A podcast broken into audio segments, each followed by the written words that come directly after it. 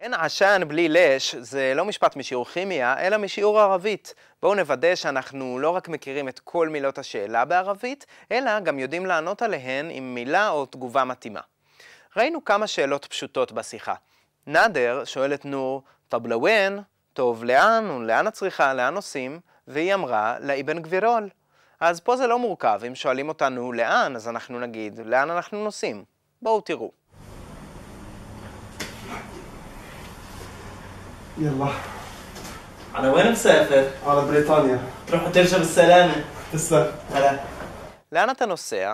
על הוואן מסאפר, אז מסאפר זה נוסע, ומסאפרה נוסעת לב- לבריטניה, לאנגליה או לבריטניה.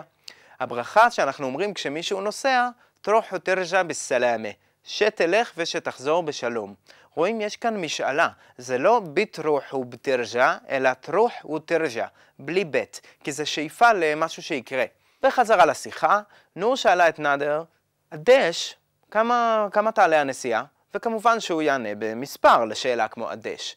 בהמשך הוא שאל אותה כיפק, והיא ענתה, אלחמדוללה, זה קל לנו. כשהיא שאלה, ון א-שבאב, איפה החבר'ה? הוא אמור לענות תשובה עם מקום.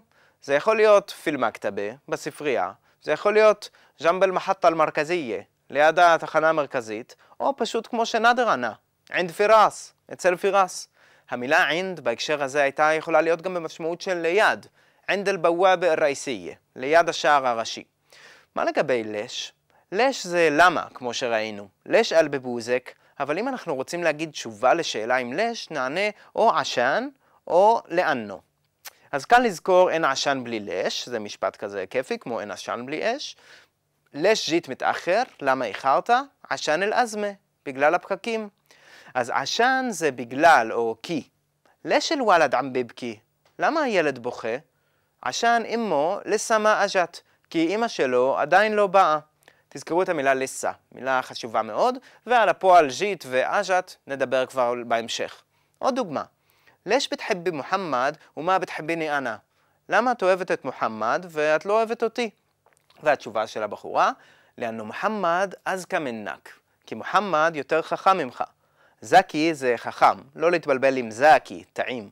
ואזקה זה יותר חכם. ובמקרה זה גם יותר טעים, זה סתם במקרה יצא אותו דבר. אבל מה אם פשוט שאלת כן ולא פשוטה? אם נרצה להגיד כן, נגיב פשוט אה, ואם לא, לא. אם זה כן, ברור, נגיד אה, אקיד, או אה, טבען.